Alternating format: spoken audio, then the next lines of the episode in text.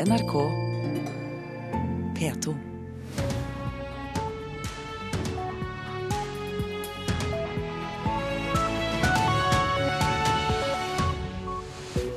Nyhetsmorgen fortsetter med disse sakene. Vladimir Putins nærmeste venner etablerte et skjult nettverk av postboksselskaper og beriket seg selv, viser Panama-papirene. Skal oljefondet hjelpe alle mulige gode formål rundt i verden, eller tenke på en eneste ting avkastningen på pengene? Å flytte flere statlige arbeidsplasser ut av Oslo, det krever Kristelig Folkeparti. Og det er en fallitterklæring av kinobransjen å tilby ferske kvalitetsfilmer på nett istedenfor i sine egne saler. Det mener lederen for Cinemateket i Oslo. I studio i dag, Øystein Heggen. Ja, Vladimir Putins nærmeste venner etablerte altså skjulte nettverk av postboksselskaper og beriket seg selv, ifølge avsløringer i Panama-papirene. Edderkoppen i nettet skal være presidentens nærmeste venn, cellisten Sergej Roldugin. Moskva-korrespondent Morten Jentoft, hvilke reaksjoner er kommet fra Kreml på avsløringene? Ja, Pressetalsmann eh, for eh, den russiske presidenten Vladimir Putin han var jo ute før eh, disse avsløringene kan du si, kom for fullt i går og sa det at nå var det et informasjonsangrep på gang da mot Russland. sånn at han var jo klar over hva som ville komme. Og reaksjonen den var som ventet. Dmitrij Peskov sa det at dette er et ledd i en internasjonal kampanje som er rettet mot Russland Russland og eh, landets eh, president Vladimir Putin. Han beskrev dette som putofobia, eh, der man da altså ikke kan nevne den russiske presidenten uten at det er med negativt fortegn. Han sa det at det er ikke noe nytt i det som har skjedd nå, og han avviser da helt at Vladimir Putin har noe med dette å gjøre. Interessant nok så har man ikke konkret gått inn på de andre hovedanklagene i eh, disse dokumentene, eh, nemlig det at store verdier der føres ut av mange land, inklusiv Russland, uten at de blir eh, skattlagt. Fordi at Dette står jo skapt i strid med den offisielle politikken i Russland, der det heter at det er viktig å bekjempe denne type skattesnusk. Og at det, man har jo også gitt da et slags amnesti da for alle dem som vil eh, komme tilbake med pengene sine til, til, Russland. Sånn at man har på en måte gjort dette til eh, eh, Brukt den gamle taktikken om at angrep er det beste forsvar. Og så får vi se da om man fra russisk hold da er villig til å følge opp det som er hovedsaken i eh, eh disse avsløringene, nemlig å få bukt med eh, denne bruken av skatteparadiser, denne bruken av skatteunndragelser som rikfolk over hele verden driver med. Eh, kan Vladimir Putin eh, knyttes personlig til postboksselskapene? Ja, hans navn det er jo viktig å framheve. det. Hans navn er ikke nevnt da direkte i eh, det som er kommet fram så langt av eh, disse rapportene. Men som du sa, eh, hans nære venn Sergej eh, Raldugin blir da framstilt da som en slags edderkopp i de metodene som brukes her da for å hvitvaske penger, for å få penger ut av Russland Russland, og så få dem da tilbake igjen til eh, enkeltpersoner uten at dette blir registrert i eh, offisielle kan du si, Eh, skatte, skattepapirer. Eh, så, eh, og en rekke andre personer, gjerne fra tiden hans i St. Petersburg, helt tilbake fra 80-90-tallet, er jo nevnt i disse papirene her. Sånn at det er klart at det er personer som står Vladimir Putin nær, som er nevnt her, men viktig å få fram. Hans navn er ikke eh, direkte nevnt i papirene, i motsetning til f.eks. Ukrainas president Petro Porosjenko, som jo også beskyldes da for å ha unndratt penger eh, i den tiden han var en av Ukrainas rikeste forretningsmenn. Og det er jo han kanskje fremdeles, selv om han er president. Mange takk skal du ha i denne omgang, Moskva-korrespondent eh, Morten Jentoft. I dag legger regjeringen fram stortingsmeldingen om forvaltningen av Statens pensjonsfond, særlig den delen som forvaltes utenlands, det vi da gjerne kaller oljefondet blir fulgt med stor interesse av eh, mange. Økonomireporter Halvard Norum, du har kommet i studio, og et av temaene som blir fulgt opp eh, i dag, handler om infrastruktur. Si litt mer om det. Ja, dette handler om eh, hvorvidt oljefondet skal få lov til å få et større investeringsunivers, som vi sier. Altså at de skal få utvidet eh, de eh, mulighetene de har til å investere i ulike typer verdipapirer. Og Det vi snakker om her, det er investeringer i såkalt infrastruktur og gjerne fornybarprosjekter. Og også da ting som ikke er notert på en børs, såkalt unoterte investeringer. Og Dette er noe som Norges Bank selv har tatt til orde for siden 2006. De mener at dette kan gi nye muligheter for avkastning og bedre forhold mellom avkastning og risiko i fondet. Og så er dette et spørsmål som har på en måte modnet seg over flere år. Det har blitt utredet av en ekspertgruppe osv. osv. Og så er det også mange der ute som eh, gjerne skulle sett at oljefondet fikk lov til å gjøre nettopp dette. Så de kommer til å følge eh, spesielt med på om, om regjeringen har konkludert her, eller om de vil eh, skyve på spørsmålet. Ja, så det er altså eh, folk der ute med interesse for oljefondet som ikke nødvendigvis ønsker seg dette pga. avkastningen, bare? Nei, ikke sant. Det er eh, altså både finansorganisasjoner og bistandsorganisasjoner, og for så vidt også miljøorganisasjoner, eh, har tatt til orde for dette. For de mener at det er, blir på en måte som å kombinere etikk og butikk, som man sier. At man både får eh, god avkastning, men at man også gjennom å investere i f.eks. For fornybarprosjekter i fattige land, blir med på det grønne skiftet, altså klimapolitikk, men også fattigdomsbekjempelse. Fordi eh, energiproduksjon da er med på å løfte folk ut av fattigdom. Eh, så det er klart, Der har du en slags sånn uvanlig allianse av eh, finansbransjen Eh, og bistandsorganisasjoner. Altså folk som normalt, eller i hvert fall ikke alltid, ser verden på samme måte. Så de vil nok være ganske skuffet dersom ikke regjeringen sier noe konkret om disse tingene i dag. Men så er det også da skeptikere som ikke er helt med på dette med å blande politikk og fond. Ja, og det er altså flere finanseksperter som, som, regjeringen har hyret inn som rådgivere i disse spørsmålene, og for så vidt også som jeg har snakket med, sier jo det at dette er, er eh, veldig, veldig risikabelt. At, at, at Problemet er at dette er så ukjent terreng at det er vanskelig å si noe om den faktiske risikoen. Og Oljefondet er jo våre sparepenger, og derfor så bør man ikke vil de si, ta for mye risiko med nettopp eh, disse pengene. Og Dessuten vil de si at eh, i det øyeblikket du blander inn altså andre typer mål, som f.eks. miljøpolitikk og fattigdom og all denne type ting, så har man egentlig brutt en viktig forutsetning, vil de si, for oljefondet, nemlig at man ikke skal blande økonomi og politikk. At vi har andre virkemidler, som f.eks. Utenriksdepartementet, som skal fremme utenrikspolitiske mål, og så skal oljefondet være en sparegris og bare det, vil de si. Stortingsmeldingen om forvaltningen av Statens pensjonsfond kommer altså i dag. Takk skal du ha, økonomireporter eh, Halvard eh, Norum. Og hva er sammenhengen mellom oljefondet og norsk utenrikspolitikk? Dette spørsmålet blir stilt også under akademisk frokost, som blir arrangert i Oslo i dag av Norsk utenrikspolitisk institutt, NUPI, og forlaget Cappelen Dam. Og NUPI-direktør Ulf Sverdrup, du har kommet til oss. Velkommen og god morgen. Takk for det.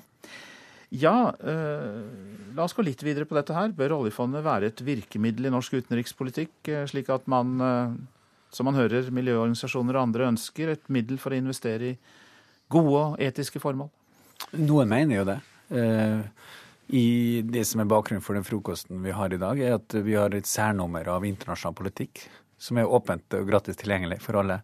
Der ulike forfattere og forskere Eh, tar ulike posisjoner på dette og diskuterer hvordan fondet kan kobles til å fremme utenrikspolitiske målsettinger. Og så er det andre som er kritiske og skeptiske til det. Jeg har vært innom og lest din artikkel, og du mener jo at det er noen farer forbundet med å bruke fondet så aktivt til de gode formål? Ja, eh, så mitt poeng er at eh, det er to ting. Altså Det første er at fondet har faktisk forandra Norge mye mer enn de aller fleste i Norge tror. Norge er, De siste fem år så har avkastninga av veksten i fondet vært skyldtes primært avkastning av investeringene, ikke tilførselen fra olje. Så uten at så mange har fått det med seg, så har Norge blitt en investorstat mer enn en petroleumsstat. Det er større enn det vi egentlig fatter? Mye større. Og måten det vokser på, er annerledes enn vi tror. Skyldes ikke at det kommer oljepenger inn, men at investeringene selv avkastninga av de er det vi lever av. Det er det ene. Det andre er jo at fondet investerer nå i veldig mange land. Og dermed har det transformert eller endra Norges forhold til omverdenen.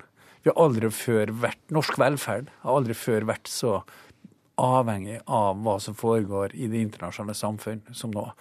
Og norske politikere, når de fatter beslutninger om hvilke investeringer de skal ha, så fatter de egentlig beslutninger om hvilken type geopolitisk risiko de ønsker å eksponere seg for. Men gjør ikke det oljefondet gjør ikke det da Norge mer sårbart for svingninger i internasjonal økonomi og kanskje også kupp og politiske endringer? Jo, men risiko er jo noe som man kan frykte. Men i risiko så ligger det òg muligheter for avkastning. Eh, fondet er på en måte en eh, fantastisk ressurs, eh, så det skal man ikke tenke på som et stort problem. Men klart at hvis det er spørsmål om, om utvikling i finansielle marked, utvikling i politiske situasjoner rundt omkring i verden, det påvirker verdien av fondet her hjemme. Og derfor pensjonsmulighetene for nordmenn. Men opplever du at norske politikere er interessert i denne forbindelsen mellom oljefondet og utenrikspolitikken som du er opptatt av? For du sier vel egentlig i den artikkelen at oljefondet er blitt så digert at det i seg selv påvirker utenrikspolitikken?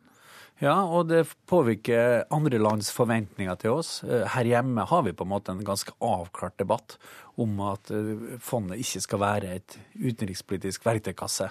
Det skal forvaltes etter forretningsmessige hensyn.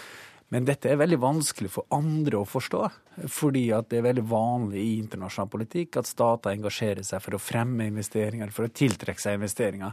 Og Derfor blir fondet på en måte en, en faktor uh, som man er opptatt av. Og det blir vanskeligere og vanskeligere å trekke disse linjene. Skal f.eks. norske ambassader jobbe med å fremme fondets interesser? Ja, hva mener du? Jeg, jeg, jeg, er vanskelig for meg. Jeg mener dette er politiske spørsmål. Så jeg har ikke lyst til å ta en posisjon. Men jeg, jeg synes at for forskere så er det en oppgave å prøve å på, peke til noen dilemmaer, noen vanskelige avveininger. Og hvis man sier f.eks. at fondet ikke er en del av utenrikspolitikken, ja, da bør man kanskje ha en litt tydeligere grensedragning. Man kan ikke ha både i pose og sekk. En oppfordring til politikerne der, eh, hørte jeg? Ja, jeg syns det er på naturlig at Stortinget faktisk tar en debatt om dette. Takk skal du ha, NUPI-direktør Ulf eh, Sverdrup. Og så er det på tide å titte litt på det avisen er opptatt av i dag. Slik får Assad drivstoff til sin krigsmaskin, er oppslaget i Aftenposten. Selv om det er innført sanksjoner mot Syria, har regimet klart å finansiere drivstoff til sine fly og helikoptre via skatteparadis Seychellene, viser avsløringer i Panama-papirene. En nødvendig vekker for DNB, det sier Marte Gerhardsen i tenketanken Agenda til Dagsavisen. Hun var jo tidligere en av direktørene i DNB, og sier avsløringene i Panama-papirene må få et etterspill for banken, og at hull i loven og gråsoner nå vil bli avdekket. Nå røper Slottet millionlønn, er oppslaget i Dagbladet. Lønna til topplederne ved hoffet har vært hemmelig i mange år, men i går ga Slottet etter og ga avisa oversikten. Og den viser at de seks topplederne ved hoffet tjener over 1,1 millioner kroner hver. Lekkede dokumenter viser at eier Kjell Inge Røkke engasjerte seg personlig i saken rundt Aker Kverners utbetaling til det korrupsjonsanklagede oljeserviceselskapet Una Oil, skriver både Klassekampen og Dagens Næringsliv. Selskapet hjalp Kverner med kontrakter i Kasakhstan, men Kverner skriver i en pressemelding i dag at prosjektet ble så omfattende at Una Oils krav om vederlag ikke lenger sto i rimelig forhold til Una Oils leveranser, og Kverner har benektet at de har gjort noe kritikkverdig advarer mot eh, sovende forbud mot søndagshandel. Jurister eh, Vårt Land har snakket med, advarer mot at forbudet mot eh, åpne butikker på søndag ikke er håndheves, og at det kan svekke folks tillit til loven. KrF krever at regjeringen svarer på hvordan loven skal tolkes. Fikk livet tilbake med ny medisin, skriver Adresseavisen. Parkinson-pasient Parkinson Bjørn Olav Soknes har fått god hjelp av en medisin ved St. Olavs hospital som få her i landet har tilgang til. Nå vil Norges Parkinsonforbund at medisinen apomorfin skal bli tilgjengelig over hele landet. Vi betaler for å slippe båtbussen. Stadig flere båteiere på Sørlandet kjøper seg fri fra vedlikeholdet, for de har mindre tid, men mer penger, skriver Fedrelandsvennen. Bare i Grimstad båtsenter er det fem fulle haller nå med fritidsbåter for innendørs opplag, service og båtbuss. Og for sjette år på rad så er Mats Zuccarello og hans New York Rangers eh, klare for sluttspillet i NHL-ligaen. Og det har nordmannen bidratt sterkt til. I natt skåret han igjen da Rangers slo eh, laget Columbus Blue Jackets 4-2. Og Sukkas suksess kan få konsekvenser for det norske landslaget i ishockey.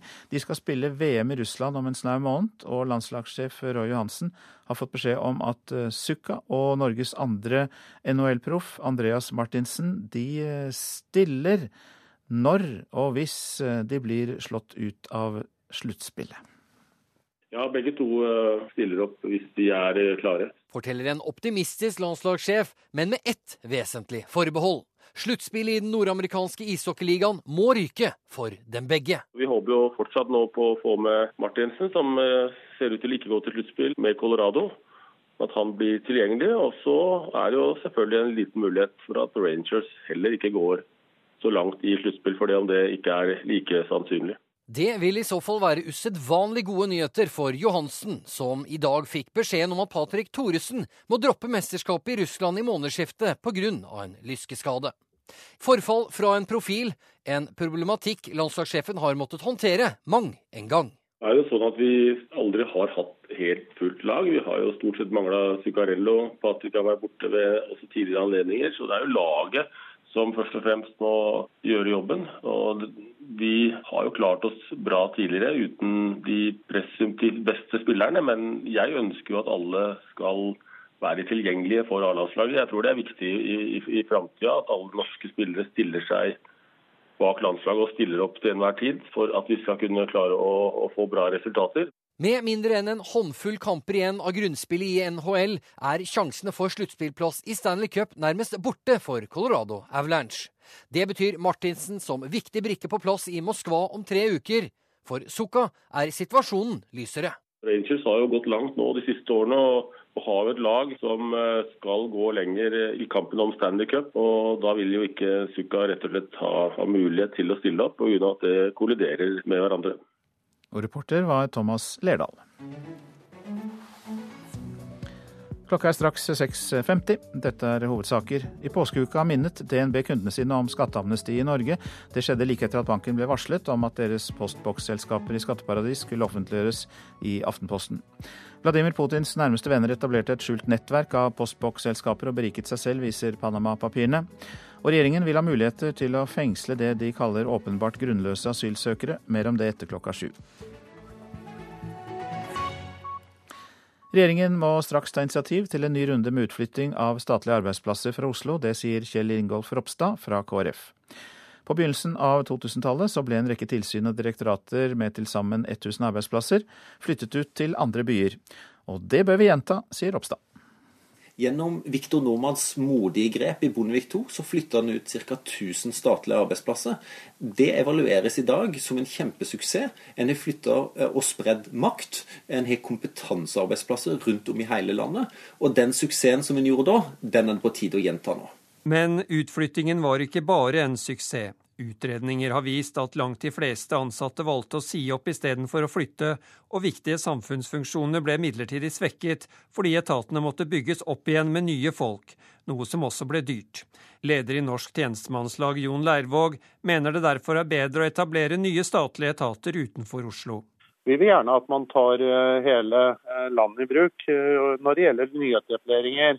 Eh, og at man etablerer nye statlige arbeidsplasser andre steder enn i Oslo, som f.eks. det man gjorde med Valgdirektoratet når man nå valgte å etablere det i Tønsberg. Men det er ikke nok, mener Ropstad fra KrF. Han mener flere forhold nå taler for å se på utflytting også av eksisterende statlige virksomheter. Det ene er at det er en stor arbeidsledighet knytta særlig på Sør- og Vestlandet. Det vil gi muligheter til å kunne flytte ut arbeidsplasser i områder som trenger det sårt, mens Østlandet ikke er like mye ramma. Det andre er at det skal bygges ca. 5500 nye kontorplasser i Oslo til direktorater og til departement. Og istedenfor å ta en så kostbar utbygging og så stor utbygging i Oslo, så har en mulighet til å kunne ta den utbygginga i andre deler av landet. Etter det NRK kjenner til, legger kommunal- og moderniseringsminister Jan Tore Sanner fram oppgavemeldingen for regionene denne uka. Den vil bl.a. handle om å tilføre regionene nye oppgaver som i dag forvaltes av staten. Men Ropstad mener han også må se på utflytting av statlige arbeidsplasser. Hvis han ikke legger fram en eh, melding om at det skal flyttes ut statlige arbeidsplasser, så må Stortinget gjøre den jobben, og da er KrF beredt til å ta det initiativet. Og kommunalminister Jan Tore Sanner sier han ikke kan kommentere denne saken nå. Reportere det var eh, David Krekling og Tom eh, Ingebrigtsen. Det er en fallitterklæring når kinobransjen vil tilby ferske filmer på nettet istedenfor i sine egne saler. Det mener lederen for Cinemateket i Oslo om den nye strømmetjenesten Nettkino. Og administrerende direktør Guttorm Petterson i bransjeforeningen Film og Kino, han eh, ser at det er utfordringer. Faren kan jo være at, at man venner folk til å ikke gå på kino. Do you ever think about mom? Do you ever think about the, the car accident? Dette er lyden av Joakim Triers film 'Louder Than Bombs'. Den ble mye omtalt, men bare sett av 20 000 på kino i Norge. Slike filmer skal det bli mulig å leie på internett for 100 kroner, kort tid etter at de har blitt tatt av plakaten. Det sier Guttorm Petersson, som er administrerende direktør i Film og Kino nettkino er ment som et tilbud til de som ikke kommer seg på, på kino i, i, tide. Slik at de har anledning til å se filmen mens den er relativt fersk. Formålet er å gi de kritikerroste filmene, som i stadig større grad har tapt kampen om kinogjengernes oppmerksomhet mot storfilmene, lengre levetid ved å gjøre dem tilgjengelige før Blu-ray og DVD-utgivelsene. På et visst plan så syns jeg jo dette er en uh, fallitterklæring. Sier Jan Langlo, som er leder for Cinemateket i Oslo. Han mener at å tilby ferske filmer på internett viser at film og kino ikke har nok tro på kvalitetsfilmens framtid på kino. Jeg innrømmer jo at eh, de ikke makter å få målgruppen til kvalitetsfilm inn i kinosalene. Han får støtte av David Moen, som er programsjef i Tromsø kino, som mener at det er en reell fare for at filmer kan få enda kortere levetid på lerretet om det er mulig å strømme dem rett etterpå. Man må være sikker på at det ikke kannibaliserer kinoene og kinoene sin, sin inntekt. Man kan jo se for seg et scenario der en føler at det er enklere å ta en kino av plakat fordi man kan overføre den til nettkino. Se for seg at man gir den mindre tid på kino. Men IKT Norges administrerende direktør Heidi Arnesen Austli er begeistret for denne satsingen på strømmefronten. Dette er veldig bra. Film og kino tilpasser seg nå brukerne og er mer opptatt av å distribuere norsk innhold framfor å dytte folk inn i kinosaler, og det skal de ha kred for. Hun mener at publikum endelig får det de vil ha, nemlig ferske kvalitetsfilmer rett hjem i stua tidligere. Og hvis ikke brukerne liker den tjenesten, ja, så må også denne tjenesten utvikle seg videre. Petterson erkjenner og forstår kinoenes bekymring rundt kannibalismeproblemet, samtidig som han er uenig i Langlo sin uttalelse. Den opplevelsen man får på kino, den kan ikke erstattes noe annet sted. Så det vi snakker om er, er hjemmemarkedet og de som, de som, sitter hjemme, som da får tilbudet mens filmene er ferskere enn, en det det ellers ville være. Reportere Nikolai Voldsdal og Petter Sommer. Norske aviser har fått mersmak eh, etter lekkasjene fra Panama-papirene og vil grave fram mer nyheter sammen. For å avdekke skatteparadisene måtte over 11 millioner dokumenter granskes. 376 journalister fra 100 medieorganisasjoner var i sving med det. Og nå vil norske medieledere bruke suksessformelen på nytt i Norge.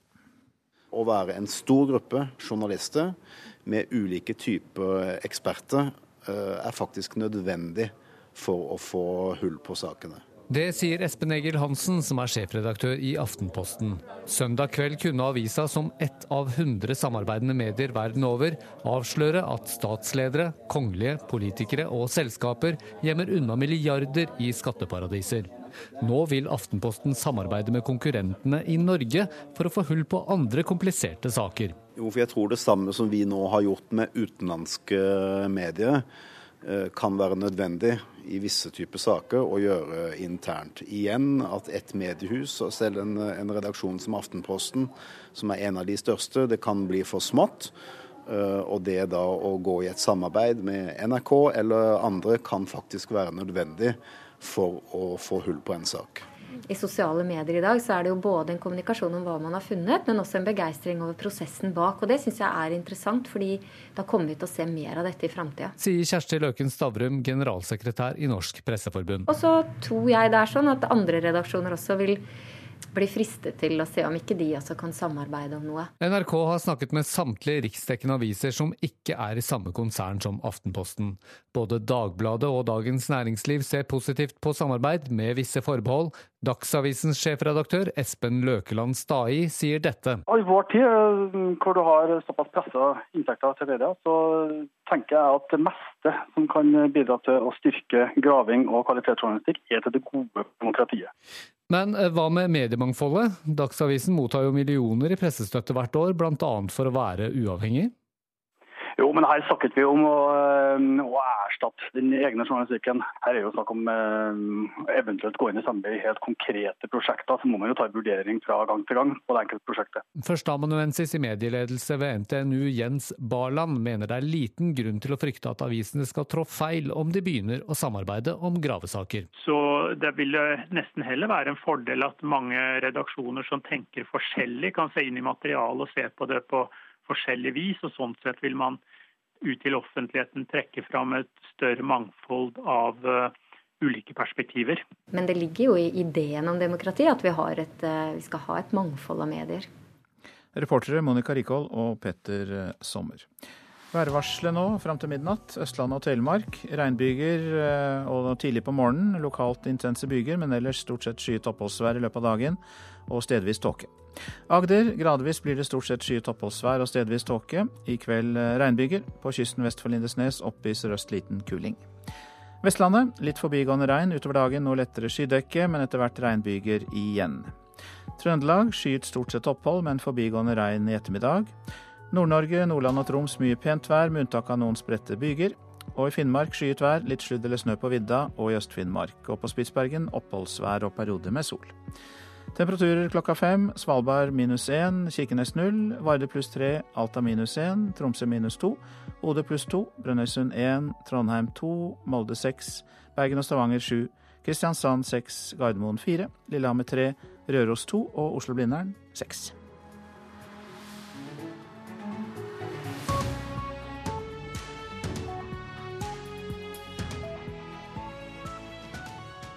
NRK P2 DNB-ledelsen vurderer å navngi kunder som har skjulte kontoer i skatteparadis.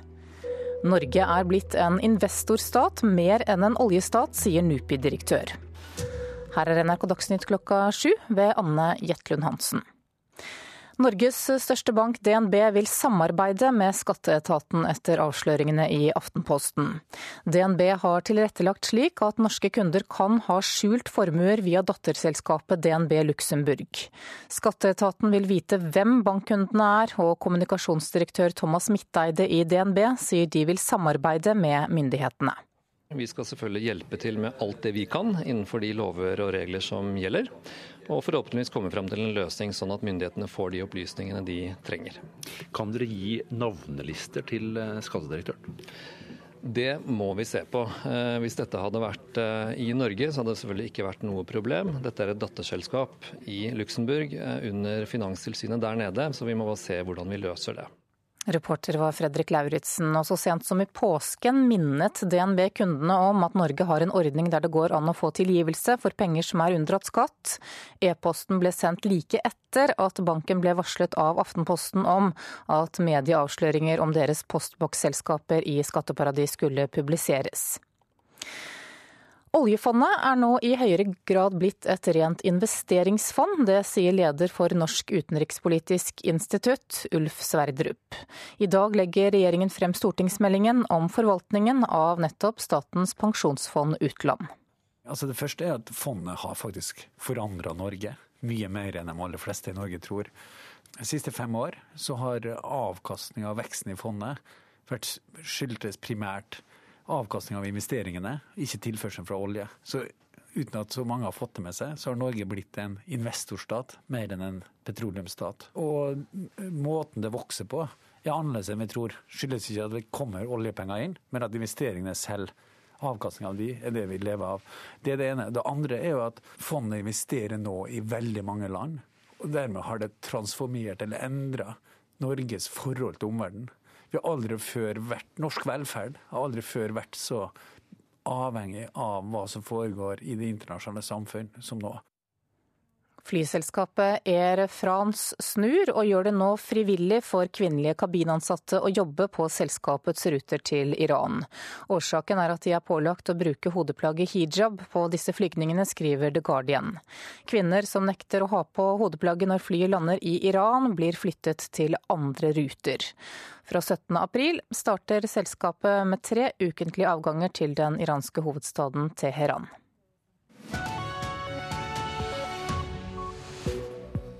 Nyhetsmorgen fortsetter med disse sakene. Avsløringer i Panama-papirene om politikere på Island, Kina og i Afrika får du høre mer om her. Blant annet renses kinesiske nettsteder og sosiale medier for ordet Panama. Regjeringen vil ha myndighetene muligheten til å fengsle det de kaller åpenbart grunnløse asylsøkere. Og her får du også mer om det vi nettopp hørte i Dagsnytt, DNBs samarbeid med skatteetaten når det gjelder uh, uh, Panama-papirene. For Norges største bank, DNB, vil samarbeide med skatteetaten etter avsløringene som Aftenposten har skrevet om. DNB har tilrettelagt det slik at 45 norske kunder potensielt kan ha skjult formuer via datterselskapet DNB Luxembourg. Nå vil skattedirektøren vite hvem kundene er, og DNB sier de håper å gi myndighetene den informasjonen de trenger. Vi skal selvfølgelig hjelpe til med alt det vi kan innenfor de lover og regler som gjelder. Sier kommunikasjonsdirektør i DNB Thomas Midteide. DNB Luxembourg er en spesialisert private banking-enhet. Dette er fra DNB Luxembourgs reklamevideo på nettet. Ifølge Aftenpostens avsløringer er det ved kontoret her at triksingen har skjedd. 45 norske kunder fikk kontoer som tilsynelatende var eid av fiktive selskaper fra Seychellene. I teorien kan formuer ha blitt skjult og holdt hemmelig for norske skattemyndigheter. Det vil jo være en mulighet at vi får konkrete navn, og det er jo noe av det vi vil se nærmere på i denne dialogen sier skattedirektør Hans Christian Holte. Han har nå bedt om et møte med DNB for å få mer informasjon om hvem DNB Luxembourg har bistått. Konkrete opplysninger om eh, hvem dette gjelder, er jo det vi eh, vil kunne bruke til å se nærmere f.eks. på selvangivelser fra de aktuelle ligningsårene og også da få opplysninger fra, fra, andre parter. Så det vil være viktig for oss å få konkrete opplysninger hvis vi skal kunne bruke dette til noe i vårt arbeid. DNB, hvor den norske staten er største eier, sa i går at banken ikke skulle ha opprettet de falske selskapene. Praksisen ble avsluttet i fjor. I går kveld publiserte Aftenposten en ny sak, hvor flere av kundene det er snakk om, hevder de ikke visste at kontoene ble fiktivt eid av et selskap fra et skatteparadis. Midteide i DNB sier de vil gjøre sitt til at skatteetaten i Norge skal få avdekke eventuell skatteunndragelse. Vi skal uansett legge til rette for at eh, de på best mulig måte får den hjelpen de trenger. Kan dere gi navnelister til eh, skattedirektøren? Det må vi se på. Eh, hvis dette hadde vært i Norge, så hadde det selvfølgelig ikke vært noe problem. Dette er et datterselskap i Luxembourg under Finanstilsynet der nede, så vi må bare se hvordan vi løser det. Samtidig som skatteetaten forsøker å få opplysninger fra den norske banken, henter skattedirektør Hans Christian Holte også informasjon fra annet hold. Vi har flere kilder som vi nå vil eh, se nærmere på. Både norske aktører som, eh, som DNB, eh, de internasjonale samarbeidspartnerne våre. Vi har en bistandsavtale med Luxembourg fra 2011. Den vil også være et viktig utgangspunkt nå til å innhente relevante opplysninger, også fra Luxembourg i forbindelse med konkrete saker. Mm. Men hva slags informasjon får dere fra Luxembourg uten å ha noe navn? Nei, her, må vi, her må vi ta og se litt nærmere på hva vi får ut av både våre norske kontakter og internasjonale kontakter. Og det er litt for tidlig å si eh, hva vi får i de ulike kanalene i dag. Så dette er, eh, dette er litt tidlig å bli veldig konkret på. Reportere Ellen Omland og Fredrik eh, Lauritzen. Men eh, på Island har i hvert fall ett navn dukket opp. Det er navnet til statsminister Sigmundur Gunnlaugsson, som har måttet tåle hard kritikk for sin families utenlandsformue i skatteparadis i Alltinget i går. Og eh, vår reporter Jan Espen Kruse, du er i Reykjavik. Men ser det ut til at Gunnlaug, Sigmundur Gunnlaugsson blir sittende som statsminister? Det er et helt åpent spørsmål akkurat nå. For i Alltinget i går så kom det ingen, eh, ingen, avklaring. Det ble ikke satt i gang noen eh, avstemning rundt opposisjonens forslag om eh, mistillit til statsministeren og regjeringen en av grunnene som blir trukket fram, er at uh, Islands president uh, nå er på vei tilbake til landet fra USA. Og uten han så uh, virker det ikke som de kan komme særlig videre. det er visstnok opp til presidenten å avgjøre hva som skal videre skje, f.eks. om det skal skrives ut nyvalg. Gunnlaugsson sa jo i går at han ikke angret på noe, med unntak da, av et TV-intervju som han forlot da det ble spørsmål om utenlandsformuen hans. Hvordan reagerer islendingene på det statsministeren sier og gjør?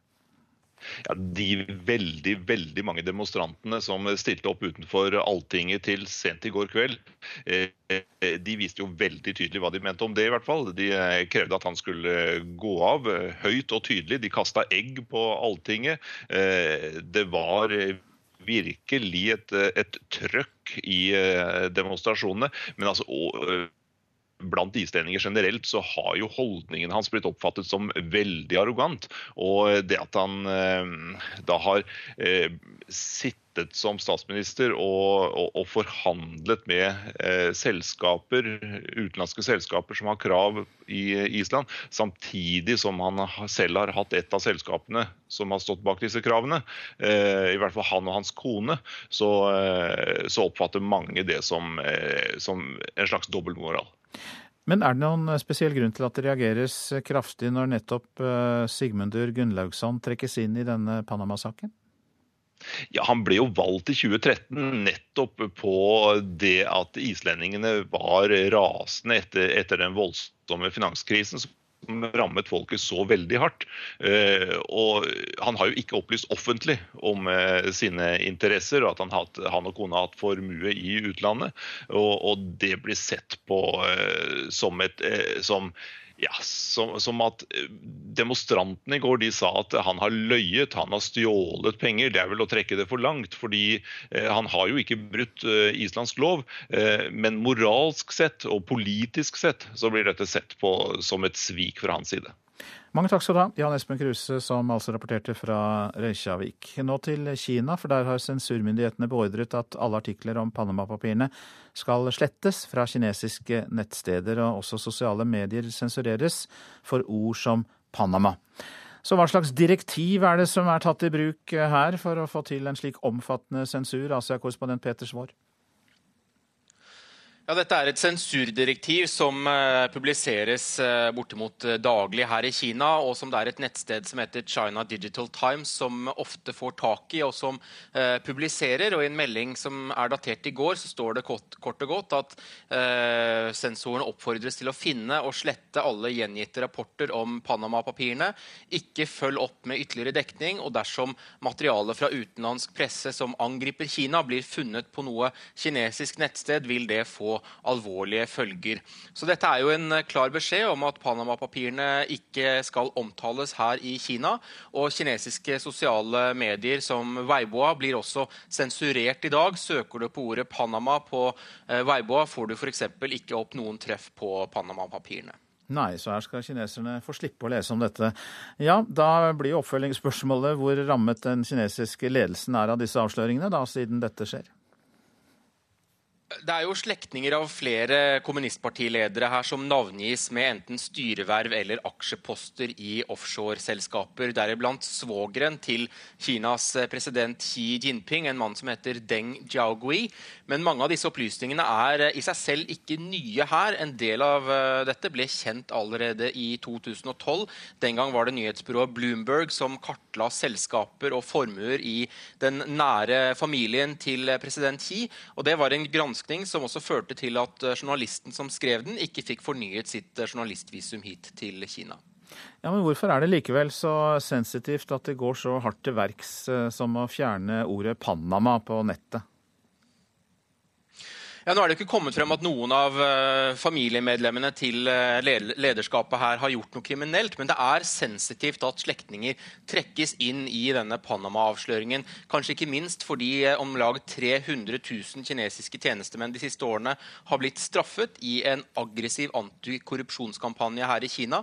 Partimedlemmer og ledere på alle nivåer, og også i hæren, får stadige påminnelser om at de ikke får misbruke offentlige midler, at de ikke skal berike seg selv. Eh, og Det passer eh, dårlig for ledelsen å da blir nevnt i denne verdensomspennende opprullingen av eh, selskapsstrukturer i skatteparadiser som pågår nå. Peter Svaar i Beijing, takk skal du ha. Også på det afrikanske kontinent drypper det avsløringer fra Panama-lekkasjene, og navnene er blant Afrikas mest kjente. Det melder vår korrespondent Sverre Tom Radøy. Både Mubarak, Zuma og Annan har holdt millioner unna sine lands skatteetater uten at det nødvendigvis er straffbart.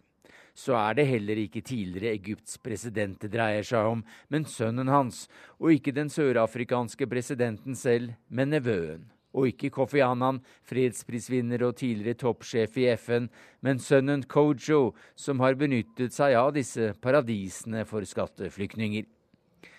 Skandalene blant ledere i Afrika, blant verdens yngste demokratier, er foreløpig langt fra så spektakulære som f.eks. på Island, et av verdens eldste demokratier. Kun 18 er navngitt til nå. Men også sittende ministre fra Alger til Angola må se at seddelbunkene deres blir vist fram fra stillehavsparadiser og jomfruøyer. Her i Kenya er det storavisen Daily Nation som bringer lekkasjene videre. Størst oppmerksomhet for nestsjefen for justissektoren, som er registrert med interesser i elleve selskaper på Jomfruøyene. Og slik er det lover mot i Kenya. Den saken mener tidsskriftet Newsweek er kontinentets nest største Panama-skandale, kun slått av Zumas nevø. Allikevel var ikke hennes karibiske eventyr den store snakkisen her i byen. Til det er toppoppslag om svindel og korrupsjon blant politikere og samfunnstopper i Kenya for daglig kost til morgenkaffen. Omtrent like vanlig som at førstesidene i Norge preges av skiskyttere. Ja, dette var litt av en runde verden rundt Guro Slettemark, generalsekretær i Transparency International Norge. Velkommen. Tusen takk. Ja, Hva syns du om eh, denne siste utviklingen i avsløringene etter alt du har hørt og lest? Nei, jeg vet ikke om man skal kunne karakterisere dette som annet enn et, eh, nesten et lite politisk jordskjelv. Eh, det er gigantiske avsløringer, og så kan man jo også reflektere litt over at disse avsløringene stammer fra ett advokatfirma. Og da kan man jo begynne å lure på hvordan det ser ut i resten av verden. Hva bør følgende følgene bli av denne flodbølgen av avsløringer? Nei, altså Vi har jo sett i mange år egentlig at uh, det har vokst frem for det første en ganske profitabel industri. Eh, som er global, og som består av finansfolk og advokater, konsulenter, som har spesialisert seg på å lage denne type konstruksjoner, der målet er å flytte og skjule penger og pengestrømmer. Jeg tror at når eh, vi begynner å se ordentlig eh, konsekvensen av dette, så, eh, så, er man nødt til å ta noen grep både eh, nasjonalt her i Norge Eh, prøve å sette seg i førersetet, eh, og også internasjonalt. Ehm, Transparency International har i mange år tatt til orde for bl.a. at vi må ha en langt større grad av åpenhet når det kommer til eierskap i selskaper. Vi kan ikke fortsette sånn som dette. Eh, dette er et veldig viktig både nasjonalt og internasjonalt anliggende. Og vi ønsker oss jo at man i Norge eh, er mer fremoverlente og virkelig erkjenner at vi er i en ganske alvorlig situasjon. Eh, og vi ser jo også her eh, på disse avsløringene at vi finner jo rett og slett lovgivere er blant brukere. Ikke sant? Makt, makt eh, personer i maktposisjoner.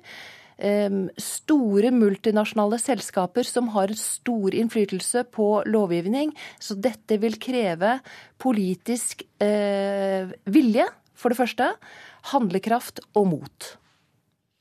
Men, Men det er, må kunne være overkommelig.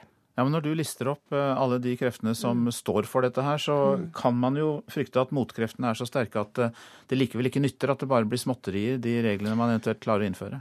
Ja, eh, nå så jeg akkurat en, et TED-intervju med vår eh, internasjonale leder, Cobuster Svart. Han er fra Sør-Afrika selv, vokste opp under apartheid, deltok i motstandsbevegelsen under, eh, og har selv opplevd å klare å knuse apartheid. Eh, og klare å kvitte seg med et sånt regime. Eh, det er ganske inspirerende å høre han snakke, og han, eh, det betyr at dette må vi kunne klare. Det krever politisk kløkt, og det krever politisk vilje. Et konkret forslag, kanskje det viktigste forslaget, det nevnte du da i stad, er det å få navn på bordet alltid over hvem som er i selskaper og postkasseselskaper? Ja, nettopp. Å og virkelig få eh, nasjonale først, da, og internasjonale registre. Beneficial ownership kaller vi det. Hvem er det som er de eh, egentlige eierne bak eh, selskapene? Det vil være ett skritt i en eh, riktig retning. Men et gjennomgangstema i denne samtalen, disse timene dette har vært kjent, har jo vært at det er jo ikke sikkert at det å etablere disse postkasseselskapene nødvendigvis er uh, ulovlig. Nei, eh, og det er jo et, eh, et stort sammensurium i denne saken. Hva er lovlig, og hva er ulovlig? Ikke sant? Men jeg vil heller spør stille spørsmålet hva er det som på en måte er akseptabelt? Og hvis det er eh, avsløringer, eh, det vil jeg tro at det er, i denne saken som viser at her har man med en helt uakseptabel praksis å gjøre, vel, da må den kanskje også reguleres.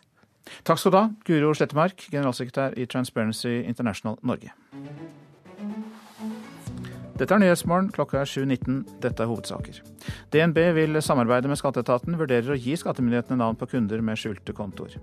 Kinesiske nettsteder og sosiale medier renses for ordet Panama etter at avsløringer i Panama-papirene rammer eh, folk som er eh, knyttet til landets ledere, men ikke landets nåværende ledere direkte. Regjeringen vil ha mulighet til å fengsle det de kaller åpenbart grunnløse asylsøkere. Mer om det straks.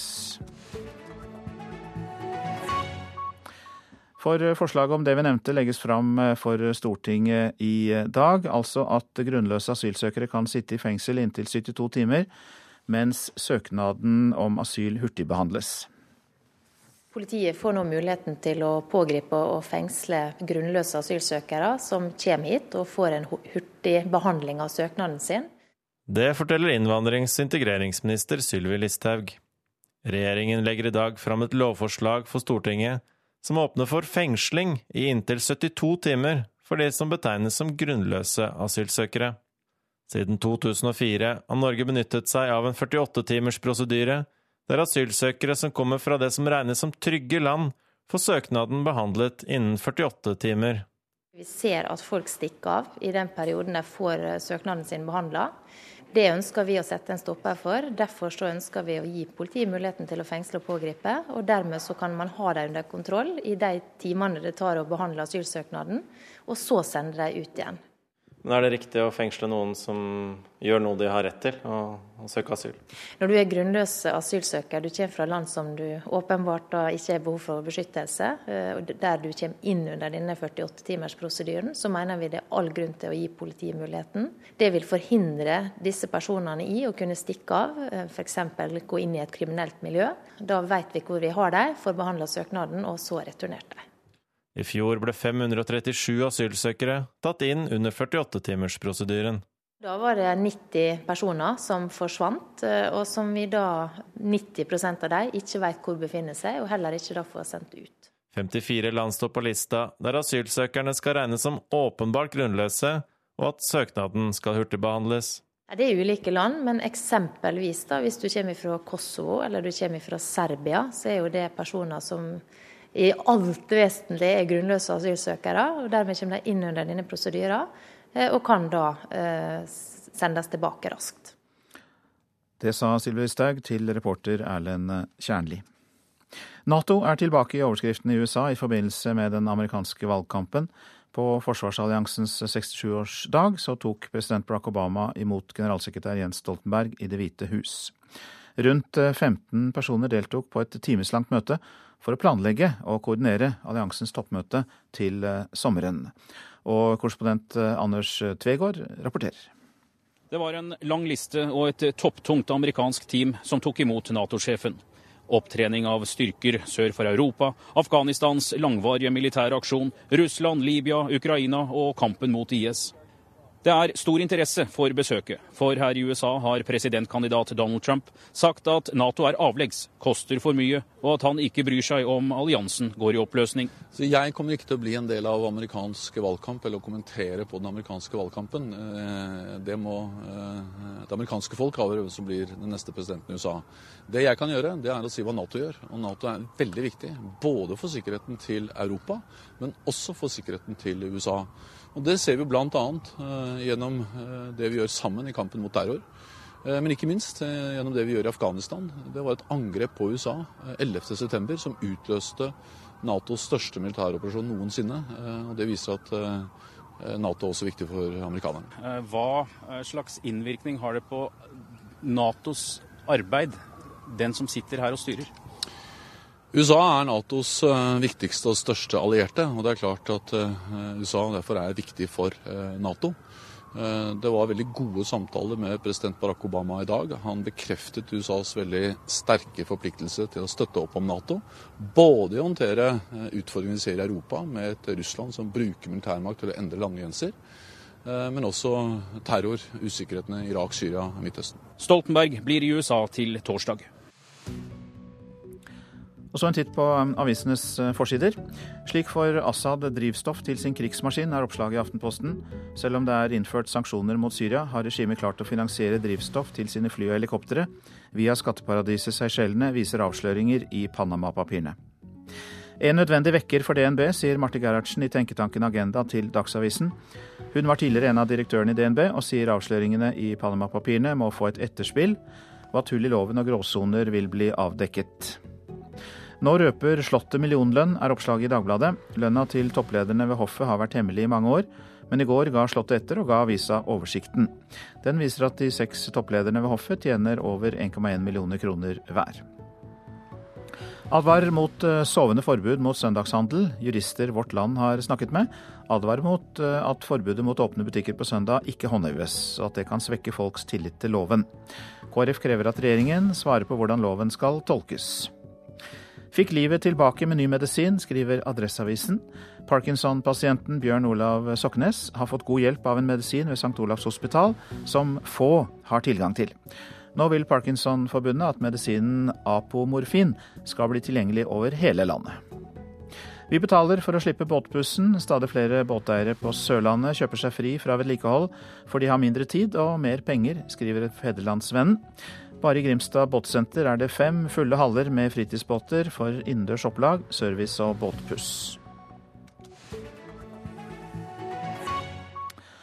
Alle skulle sett hvordan søppelet flyter langs strendene, det mener Oslofjordens friluftsråd. Til tross for fem år med europeisk samarbeid for å bli kvitt søppel i skjærgården, så flyter det av plast, gummi og fiskeredskaper. Akerøya, midt i nasjonalparken på Hvaler, er en av sju strender som ryddes og overvåkes hvert år for å se utviklingen av maritimt søppel. Nå er det Akerøya sør. Jeg går marint, marint søppel nå vet du, fra mars til 1.6, så her er det bare å stå på. Det er nok å ta i. Eivind Børresen i Skjærgårdstjenesten på Hvaler er på vei til Akerøya for å plukke og registrere marint søppel for femte året på rad. Sammen med Oslofjordens friluftsråd, Nasjonalparken og Statens naturoppsyn overvåker han alt som flyter i land. Men Åssen ser det ut her i Tjuvnilsen, da? Her er det ille, ja. Daniel har sekker. Og ta, har du tau? Nei, se om vi finner noe. Det er stående spøk. Har du tau? For tau er det nemlig nok av. Sammen med plast, metall, glass og gummi er fiskeredskap noe de finner mye av. Jeg gikk jo bare over nå og tok litt sånn visuell, Og det er jo Det er sånn. Det er litt korker og litt forskjellig sånn vet du, som skjuler seg. Det ser ut som et normalår, men nå får vi nå se. Og synet som møter oss i det som kalles Tjuvbukta, viser at fangsten ikke blir mindre, forteller naturveileder i Oslofjordens friluftsråd Annelise Bekken når vi kommer inn her med båten, så så vi jo egentlig ikke Så ser det jo bare ut som det ligger et tangbelte her innimellom steinene. Men når vi da kommer litt nærmere, da er det bare helt forferdelig. Det er sånn Alle skulle sett hvor ille det kan bli. Så det her er jo da strømmene som fører med seg alt som kan flyte. Så er det noen sånne oppsamlingsbukter som alt som vi finner hvert år. Her ser det jo ut som det aldri er rydda før, men her har vi jo rydda hvert år. Og, og, nå ser det jo helt katastrofe ut. I fem år har funnene på stranden på Hvaler blitt rapportert inn til Oslo-Paris-konvensjonen for bevaring av det marine miljøet i det nordøstlige Atlanterhavet. I Norge er det syv slike referansestrender. Til tross for at søppelmengdene ikke blir mindre, vil ikke Bekken gi opp troen på menneskene. Jeg må, jeg må jo si at jeg er optimist på, med tanke på at det er mer og mer fokus på det. Så For noen år siden var det ikke mange som var så klar over problemet, men nå er det jo flere og flere som blir bevisst på det. Og det blir mer og mer fokus på, på opprydning. Det, og da kan man jo håpe at folk etter x antall år med, med dere ikke kast ting i do, ikke q-tips og ikke noe, at folk kanskje kan lære litt etter hvert. Og og må, må bare håpe at vi Man må jo ha tro på menneskeheten. Og det var eh, reporter Anette Torjussen som var med i Friluftsrådet til noen av de nedsøplede Østfold-strendene. Produsent for Nyhetsmorgen i dag, det er eh, Ingvild Ryssdal. Her i studio, Øystein Heggen. Og så nevner vi at det er primærvalg i den amerikanske delstaten Wisconsin i dag. Og etter Dagsnytt så skal vi her i Nyhetsmorgen høre mer om denne vi kan kalle gjennomsnittsstaten i USA. Og hva er den beste måten å bekjempe arbeidsledigheten på? Spørsmålet går til finansminister Siv Jensen og Arbeiderpartileder Jonas Gahr Støre i eh, debatten i Politisk kvarter kvart på åtte. Og der får vi også høre disse toppolitikernes kommentarer til avsløringene om skatteparadiser i de såkalte Panama-papirene som vi har hørt om nå et døgns tid.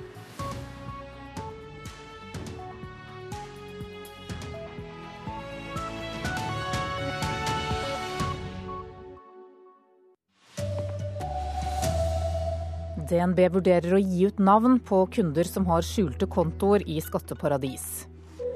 Regjeringen vil fengsle asylsøkere som kommer til å få avslag uansett, slik at de ikke stikker av. KrF krever at flere statlige arbeidsplasser blir flyttet ut av Oslo.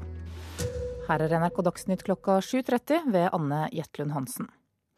Norges største bank, DNB, vil samarbeide med skatteetaten etter avsløringene i Aftenposten. DNB har tilrettelagt slik at 45 norske kunder potensielt kan ha skjult formuer via datterselskaper i DNB Luxembourg. Nå vil skattedirektøren vite hvem kundene er, og ledelsen i DNB sier de håper de kan gi myndighetene den informasjonen de trenger.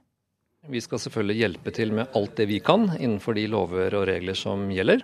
Sier kommunikasjonsdirektør i DNB Thomas Midteide. DNB Luxembourg er en spesialisert private banking-enhet. Dette er fra DNB Luxemburgs reklamevideo på nettet. Ifølge Aftenpostens avsløringer er det ved kontoret her at triksingen har skjedd. 45 norske kunder fikk kontoer som tilsynelatende var eid av fiktive selskaper fra Seychellene.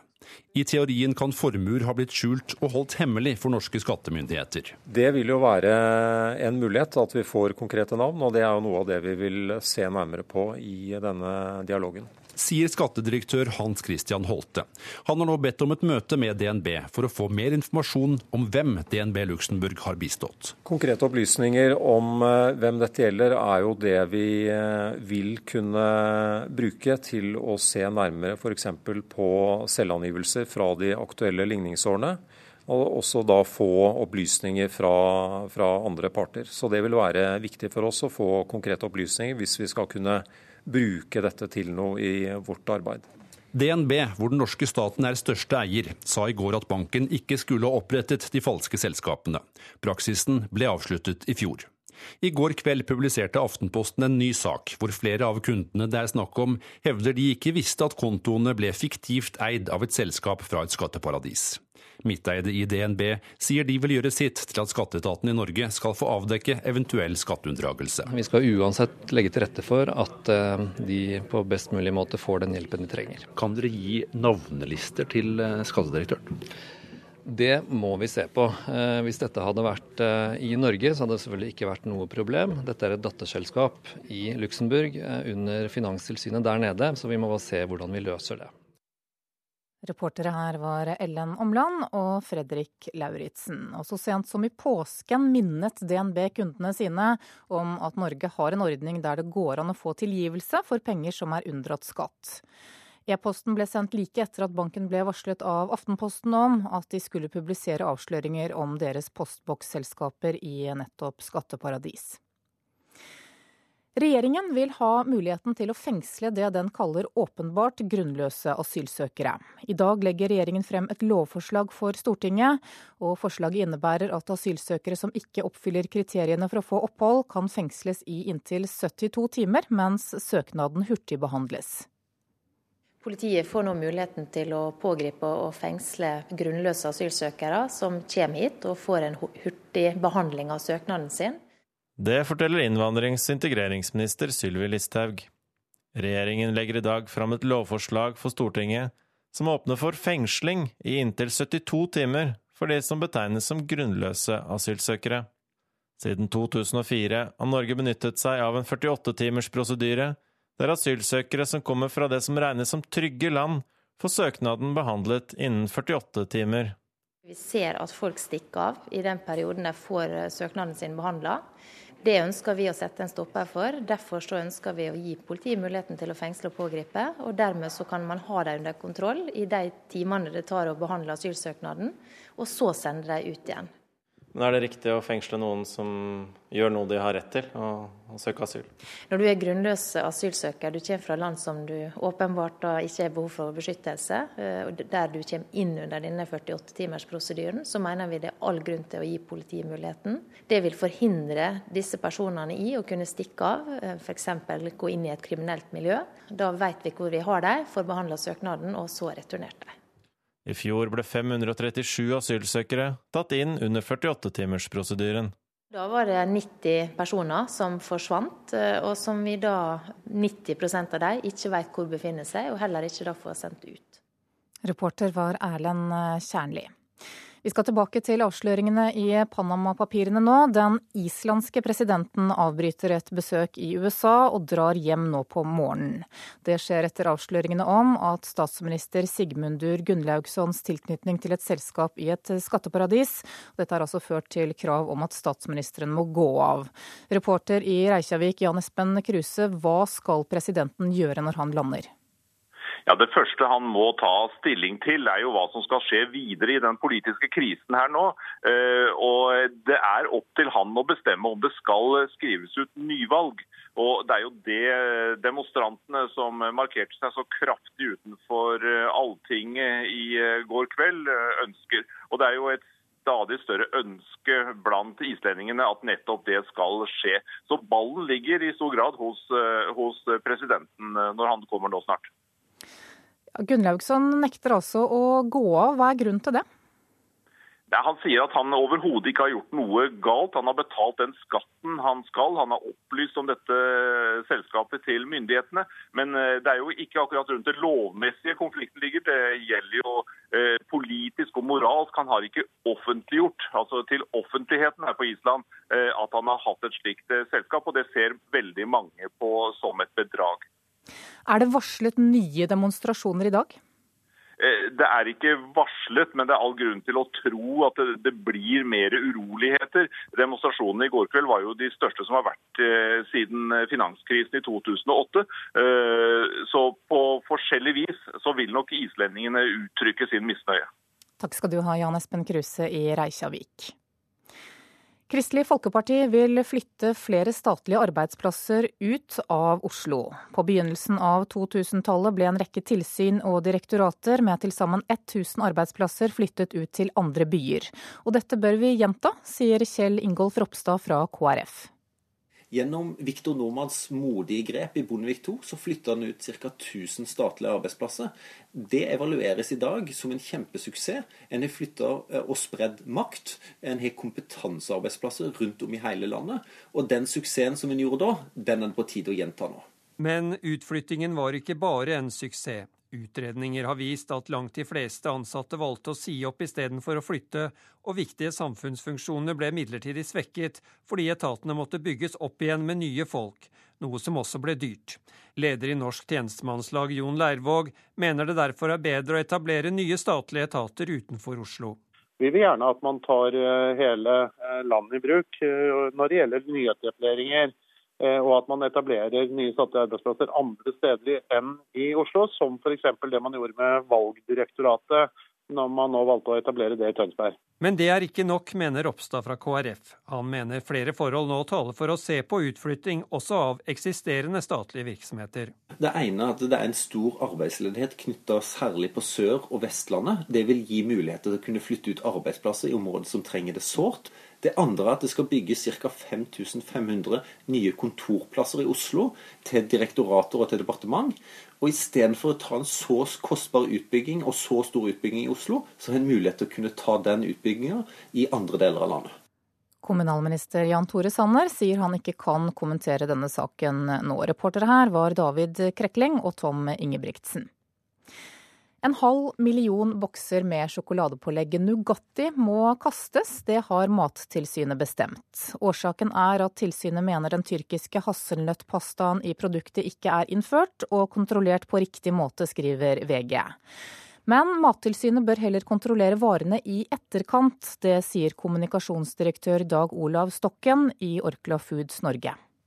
Vi har gjort en feil i forbindelse med inntollingen av eh, et parti med nøtter. slik at Det har ikke vært mulig for Mattilsynet å, kontrollere eh, råvaren eh, før vi satte den i produksjon. Men de har alle muligheter nå i etterkant til å kontrollere de ferdige varene.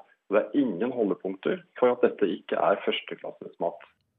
Så skal det handle om ishockey. For sjette sesong på rad er Mats Zuccarello og laget hans New York Rangers klare for sluttspillet i verdens beste ishockeyliga, NHL. Og det har nordmannen bidratt sterkt til. I natt skåret han igjen da Rangers slo Columbus Blue Jackets 4-2. Nå står Zuccarello med 59 målpoeng denne sesongen, og det er en, en tangering av hans personlige rekord. Ansvarlig for NRK Dagsnytt denne morgenen heter Erlend Rønneberg.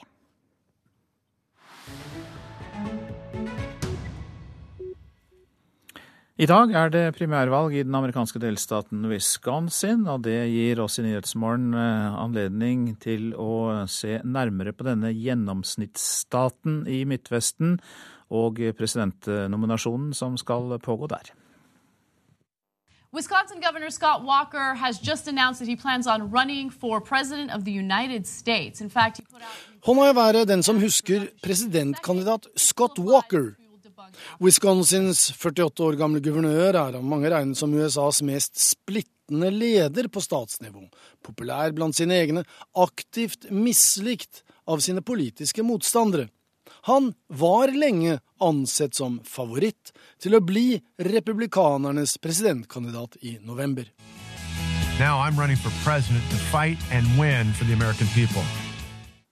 I juli i fjor formaliserte han sitt kandidatur, og før den aller første styrkeprøven, i Iowa i februar, så var det Scott Walker som ledet på meningsmålingene, foran Donald Trump.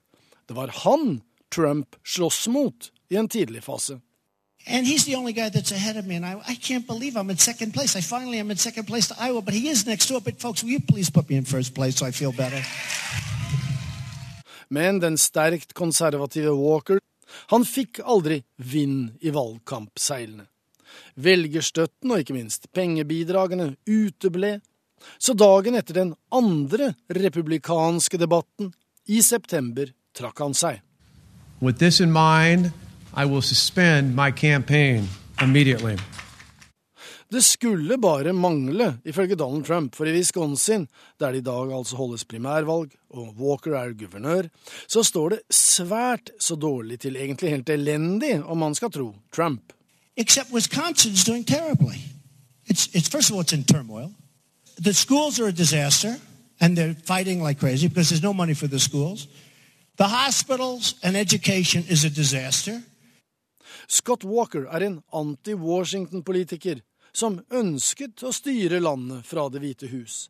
Han representerer denne helt spesielle varianten av amerikanske politikere, i begge partier, som er sterkt imot den sentralstyrte føderale staten, men som mest av alt ønsker å bli denne statens mektigste mann og fremste maktsymbol.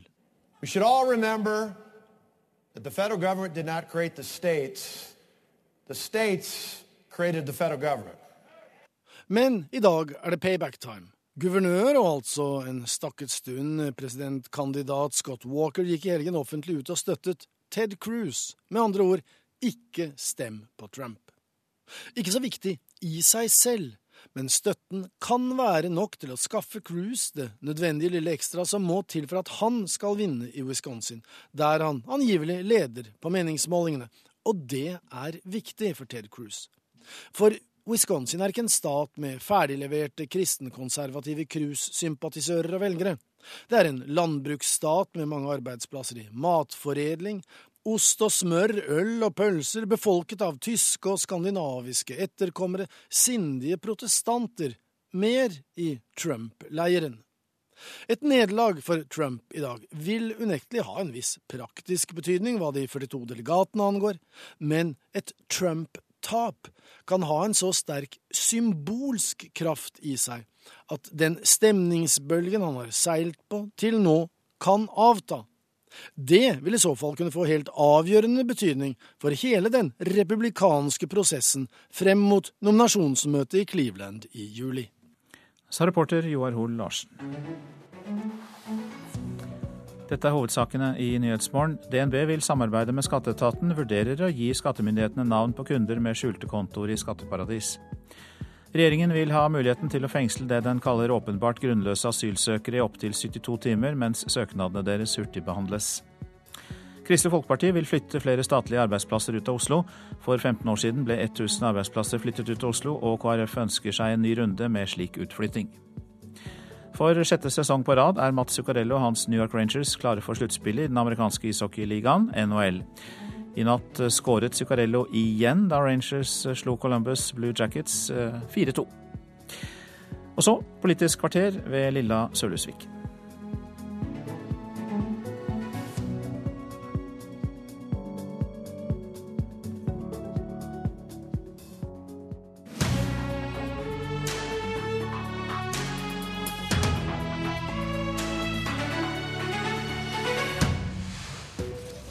Hver eneste dag bruker denne regjeringen 50 millioner kroner til skattelettelser, sier Jonas Gahr Støre. Nei, svaret er under halvparten. Han kan åpenbart ikke regne, svarer Siv Jensen. Regnekunst og arbeidsledighet er tema for dagens Politiske kvarter. Men først til skatteparadisene som preger nyheter verden over i disse dager. Hva kan gjøres for å hanke inn noen av de hundretusener av milliarder kroner som til sammen forsvinner inn i disse skatteparadisene? Og finansminister Siv Jensen, vi kan jo starte med oss selv. Og si at oljefondet ikke lenger skal investere i skatteparadis, f.eks. I dag så investerer de mellom 150 og 200 milliarder kroner, ifølge dagens aviser. Er det et sted å starte? Nå er det slik at eh, Forvaltningen av eh, oljefondet er veldig bredt forankret. Eh, og Det skjer igjen i dag når jeg legger frem meldingen om forvaltningen av både oljefondet og Folketrygdfondet. Det er slik at Vi har bygget den strategien sten på sten, basert på betydelig grad av åpenhet og et godt rammeverk for forvaltningen. Så er det jo slik at Norges Bank bl.a. har to datterselskaper, ett i Luxembourg og ett i Delaware i USA. Eh, dette er også forankret eh, på en ryddig måte gjennom eh, stortingsbehandling gjennom flere år. Og det handler jo først og fremst om et gode juridiske miljøer for å håndtere forvaltninger i utlandet. Men, så kan det også hende at fondet er investert i enkeltselskaper. Husk på at vi, vi er inne i mange eh, tusen selskaper på globalt perspektiv. Og Det er jo derfor vi også satt opp denne modellen med et etikkråd som basert på retningslinjene vurderer om eh, alle plasseringer er innenfor det rammeverket vi har trukket opp. Men nå er spørsmålet, hva syns du? Syns du det er riktig at oljefondet investerer så mye penger i skatteparadis? Men ja, for, det, altså, for, det, første så investerer oljefondet etter alle solemerker på en ryddig og ordentlig måte. Dette handler om å forvalte det norske folks sparepenger, og det skal tåle dagslys. Det skal være gjennomsiktig. Og de være... sparepengene vil bli mindre hvis man ikke investerer i disse skatteparadisene? Nei, det som er poenget er at fondet skal være en global investor for å spre risiko og øke avkastningen, slik at vi kan nyte godt av disse pengene over tid. Men så har vi jo hele veien utviklet etiske retningslinjer for å kunne trekke fondet ut av virksomheter, områder, produkter som vi ikke ønsker at Norge skal bli assosiert med. Det er en strategi som videreutvikles hele tiden. Eh, I fjor, etter påtrykk fra flere partier i Stortinget, så gjorde vi jo endringer bl.a. Eh, på klimasiden og kull. Mm. Arbeiderpartileder Jonas Gahr Støre, hørte ikke her noen sånn stor vilje til å endre på det, det regelverket. Men din eh, finanspolitiske talskvinne er ute i Klassekampen i dag og sier at kanskje Arbeiderpartiet vil gå inn for et forbud mot eh, investeringer i skatteparadis for oljefondet. Hva tenker du? Nei, jeg tenker at Vi må gå inn i dette og se om det er nødvendig å gjøre endringer. Eh, og Gjennom årene så har vi da, ofte mot Fremskrittspartiets vilje, gjort endringer for at dette fondet skal være mer i tråd med hva vi skal vente som folk. Det at vi fikk gjennom uttrekk av kull f.eks., var jo en kamp vi måtte kjempe i Stortinget mot regjeringens vilje inntil vi fikk en enighet om det. Og Det som nå fremkommer, og det som kommer av nye informasjoner, gjør at vi må se på det. En av de store temaene vi diskuterer når vi skal ha skatteforlik i Stortinget, er jo spørsmål om åpenhet, kunnskap om hvor vi investerer, og hvordan Norge kan spille sin rolle i denne helt livsviktige kampen mot skatteunndragelser som underminerer velferdsstatene. Men når du sier 'må se på', betyr det at du er mer villig til å se på dette og endre reglene, reglene i dag enn du var for et år siden? Altså, Hvis det er slik at det er deler ved Norges Banks praksis i forvaltningen av oljefondet som åpenbart strider mot det som er uh, intensjonene når det gjelder å begrense skatteunndragelser, og jeg har ingen grunn til å tro at det fondet driver med det, så er vi åpne for å se på endringer på det. Men det må jo være basert på kunnskap og den innsikten. Så vi kan jo aldri si at det er uaktuelt å gjøre endringer i lys av den kunnskapen vi får. Jeg tror kampen mot skatteunndragelser er Stortinget tverrpolitisk enige om. Eh, og vi både, jobber jo både internasjonalt gjennom å sikre flernasjonale regler for dette. Eh, og vi er opptatt selvfølgelig av at forvaltningen av oljefondet skal være tilsvarende. Men jeg har lyst til å minne Støre om, siden han nå trekker Fremskrittspartiet inn i dette, at vi, i motsetning til Arbeiderpartiet, gikk altså først for å få etablert de etiske retningslinjene for forvaltningen av fondet mange år tilbake. Det har vist seg å være en suksess og som vi har videreutviklet over tid. Men I forrige periode så sa Fremskrittspartiets talsperson på skatt at han ønsket skatteparadiset velkommen, for det var et press mot skattene i Norge. Så holdningen her har vært eh, av en slik karakter at avsløringene som kommer nå, kan sette oss bedre i stand til å vite hva vi må rydde opp i eget land, både i norske banker og om nødvendig i Norges Bank. Men bare la meg si, Det er jeg enig i, og det var også min første kommentar da disse avsløringene kom i går, at jeg mener det er bra. Fordi det gir et økt Hva mener du skatteparadis er bra? Det er det Hagesæter mente for noen år siden. Jeg mener at de avsløringene som nå kommer, er bra. Fordi det gir økt internasjonal oppmerksomhet om problemstillingene rundt skatteunndragelser, skatteomgåelser. Men jeg tror det er veldig viktig at vi klarer å være presise i denne debatten fremover. Fordi noe av det som sauses sammen i debatten, er helt lovlige ting. Mens andre ting er gråsone, og noe er definitivt ulovlig. Men du kan, den... du, kan, du kan, uh, avvise her og nå. Altså, det er riktig som Støre sier at Hagesæter sa for noen år siden, at uh, skatteparadis var bra fordi at da kom skattenivået til å bli lavere. Men det er ikke din mening altså, i dag? Er, det er sånn at mange land har et lavere skattenivå enn det Norge har, og de har gjort det aktivt og bevisst for å tiltrekke seg investeringer fra nye bedrifter og selskaper.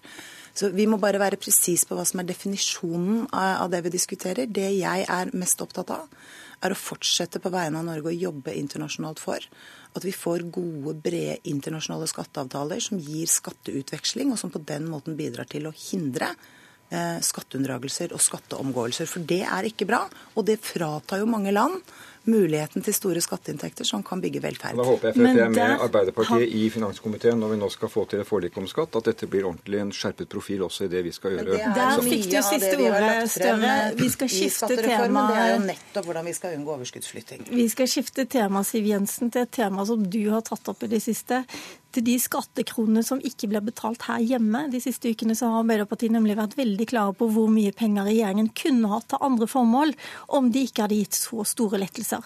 Her er Jonas Gahr Støre. Vi hører deg i opptak nå fra spørretimen før påske. President, Det er blitt 45 nye ledige hver dag etter at Høyre og Fremskrittspartiet overtok. Samtidig går det ut 50 millioner kroner om dagen i skattekutt. Og så fulgte Arbeiderpartiets finanspolitiske talskvinne i spørretimen opp etter påske.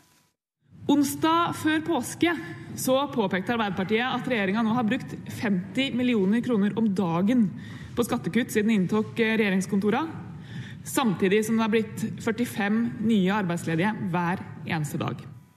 Siv Jensen, du påstår at Arbeiderpartiet ikke kan regne. Altså, hvis man eh, tar utgangspunkt i de skattereduksjonene denne regjeringen har gitt siden vi tiltrådte høsten 2013, så beløper det seg til 18,46 milliarder kroner. Hvis man deler det på antall dager siden regjeringen tiltrådte, så betyr det en skattelette per dag på i overkant av 20 millioner kroner. La meg begynne med å si at jeg er for dette. Jeg mener skattereduksjoner er bra. Fordi det gjør livet enklere for bedrifter som nå sliter. Fordi de gjør det mulig å beholde ansatte og ikke eh, si dem opp. Fordi det gjør det mulig å kanskje ansette flere og ikke færre. Fordi det gjør det mulig å gå med overskudd og ikke underskudd. Ja. Så jeg Men- mener skattereduksjoner er bra for norsk næringsliv i en krevende tid. Så egentlig skulle det vært 100 millioner hver dag, tenker du? eller? Poenget er at når Arbeiderpartiet skal lage billig retorikk, eh, så må de først regne rett. Eh, De lettelsene vi har gitt, må fordeles på den perioden vi har sittet. Og da må man regne med årene 14, 15 og 16.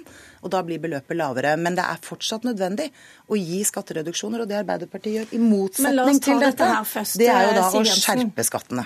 Regnestykket. Jeg har også tatt fram kalkulatoren min, faktisk. Og 18,5 milliarder delt på de 900 dagene omtrent som regjeringen har sittet, det blir om lag 20 milliarder, ikke Millioner. 50, nei, millioner, ikke 50. Jo, men Du kan ikke regne på den måten, og dette er ikke billig retorikk, men det er helt gratis argumentasjon, Siv Jensen, som du bør merke deg. Dette er jo penger som gis i skattekutt hvert år.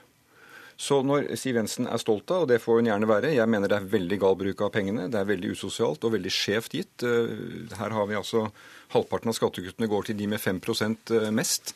De 5% som har mest, eh, så er jo det penger hvert år som fellesskapet ikke kan bruke på andre ting. Så du må dele det på 365. Nemlig i år kunne vi hatt 18 milliarder kroner til bruk på målrettede tiltak mot ledighet, for investeringer, arbeid for ny teknologi, klima. Eh, Og det har vi ikke, og det betyr at det er hver dag 50 millioner vi kunne brukt på andre formål. Det er en illustrasjon av det. Eh, Og det, det mener vi være det samme hvis, Siv Jensen ikke gjør en eneste endring på skattekuttene eh, til budsjettet for 2017, så vil vi også i 2017 ha 18 milliarder mindre enn man ville hatt uten de kuttene. Derfor er det årseffekten vi ser på, og det gir jo mening når vi sier 50 millioner kroner går i skattekutt hver dag, 50 mennesker blir ledige. Det er ikke en direkte sammenheng mellom de to, men det illustrerer hvordan vi kan bruke pengene på en annen måte. Og det er også rett, for det har jeg også sjekka på kalkulatoren. Hvis du deler på et år, så er det også riktig med 50 millioner. Jensen. Men det denne debatten illustrerer, er jo det dramatiske forskjellen på regjeringens eh, skattepolitikk og Arbeiderpartiets. Den er dramatisk, Arbeid- det er jeg helt enig i. Ja. Arbeiderpartiet har i sitt alternative budsjett foreslått å skjerpe skattene med 10,5 milliard kroner bare i år. Det betyr at når Støre er ute på bedriftsbesøk, så har han jo ikke med seg tiltak til bedrifter som er hardt prøvet. Han har med seg en skatteregning på 28 millioner kroner hver eneste dag. Så hvis han er på ett bedriftsbesøk hver dag, så sender han den regningen til norske bedrifter og arbeidstakere i en tid hvor alle bedriftsledere jeg møter, ber om skattereduksjoner. Og de ber også om at vi gjør noe med formuesskatt på arbeidende kapital, som Arbeiderpartiet har gjort til sitt glansnummer. Men det er er du de så sikker opptatt av fordi virker? For ledigheten øker jo faktisk, selv om dere har kuttet 18 milliarder. Ja, men det har jo først og fremst å gjøre med at oljeprisen mer enn har halvert seg. At vi må kutte kostnader i norsk olje- og gassrelatert industri. Dette er helt uunngåelig, dessverre. Og det smerter for de selskapene og i den regionen som nå opplever et, en oljenæring som må omstille seg. Men da er jo jobb nummer én å legge til rette for at vi har lønnsomme bedrifter som går med overskudd i Norge, sånn at de kan skape flere arbeidsplasser og ikke færre. Og er det noen som tror at en bedrift får mer råd til å ansette flere personer med skatteregningen til Støre som er 28 millioner kroner per dag? Eller tror man kanskje at det å gå med overskudd eh, og bedre bunnlinjen er en sikrere garanti for at bedriftene vil ansette flere? Støre, hvorfor er du så veldig sikker på at med de flere pengene så ville du fått flere i arbeid? Hun roter veldig med tall, finansministeren. Det er urovekkende. La meg begynne med det. Eh, Bunnlinjen. Bunnlinjen i en bedrift beskattes gjennom selskapsskatten. Det tok Arbeiderpartiet initiativ til å senke selskapsskatten. Nå kan vi kanskje få enighet i storting, storting om redusert selskapsskatt. Må vi ta inn på noen andre områder for at vi sikrer fellesskapets inntekter. Det er det bedriftene ber om. Så har vi spurt Nei, de ber og også stats- om endringer i formuesskatten. så ber vi, eh, har vi spurt finansministeren og statsministeren hva har disse store skattekuttene resultert i når det gjelder nye jobber. Ingen svar. Hva får vi spørsmål om når vi er ute hos bedriftene? Jo, de ønsker når jeg spør, jeg spør alltid hva er de tre viktigste tingene vi som politikere kan gjøre, og da svarer de sørg for at det er god infrastruktur rundt der vi holder på, sørg for at vi kan få støtte til teknologisk omstilling, og sørg for at vi kan beholde folka våre. Og det er en annen måte å bruke pengene på. Vi er ikke mot å gjøre justeringer i skatten, det holder vi på med nå rundt skattemeldingen. Men vi peker på at istedenfor å gi disse veldig usosiale skattekuttene, som deres egne beregninger dette har jeg sagt 100 ganger etter studio, viser har veldig liten eller ingen effekt, så kunne pengene vært brukt mer målrettet. Du sier stadig vekk at det blir 45 nye ledige per dag. Like fullt så er det regjeringen som går fram på målingene, mens du har jo ikke vunnet noe særlig på dette i det, hele tatt. Hvorfor har ikke velgerne helt skjønt uh... Det får vi nå vente og se. Vi, skal, uh, vi har 500 dager igjen til valget, og vi skal sørge for å forklare dette på god måte. Vi kan ikke drive riktig økonomisk politikk etter kortsiktige meningsmålinger. Her er poenget at regjeringen bruker for lite og for sent i forhold til den krisen som rammer deler av Norge. Jeg mener at regjeringen burde si vi har en krise med arbeidsledighet. Fordi noens krise er alles krise. Det handler om solidaritet i vårt land. Det holder ikke å si at jo, det er der nede pga. fallende oljepris. I resten av landet så går det bedre. Vi må sette inn større tiltak for å hjelpe de som blir ledige på Sør-Vestlandet langs kysten vår. Og vi må sørge for å gjøre oppgaver som Norge uansett bør gjøre, gjennom en større tiltakspakke. Og det hadde vært mulig om vi ikke hadde gitt 50 milliarder, millioner dagen i skattekutt. Men programleder, Vi kan gjøre begge deler, og det gjør vi. Vi har lagt frem en tiltakspakke som særlig treffer Sør- og Vestlandet. Men det er også nødvendig å være opptatt av norske eiere i norske bedrifter i Norge. De er i en situasjon hvor de må ta utbytte ut av bedriften sin for å betale formuesskatt, selv om de går med underskudd. Det er det denne regjeringen har sagt at vi må gjøre noe med. For det er viktig å styrke de norske bedriftene som er eid av nordmenn. Hjørnestensbedrifter som også gir gaver og hjelp til lokalsamfunnet rundt omkring langs hele kysten. Det er jo de bedriftene vi ønsker å ha videre i Norge. Men jeg skjønner at det er blitt en retorikk Arbeiderpartiet har gått seg fast i. De skaper et inntrykk av at dette handler om skattelette til de rike. For meg så handler det om å ha norske eierskap i Norge. Da gjenstår det bare å si at eh, når det gjelder ledigheten, så er dere to kardinalt uenige. Senere i dag så kommer innstrammingsforslag fra Sylvi Listhaug på regjeringens andre store prioriterte område, nemlig å stramme inn på antallet asylsøkere og flyktninger som kommer til Norge. Vi får se om det blir eh, større grunn til enighet da. Det gjenstår bare å si hjertelig takk til Siv Jensen, finansminister, og til Arbeiderpartileder Jonas Gahr Støre. I studio, Lilla Sølhusvik. Hør flere podkaster på nrk.no podkast.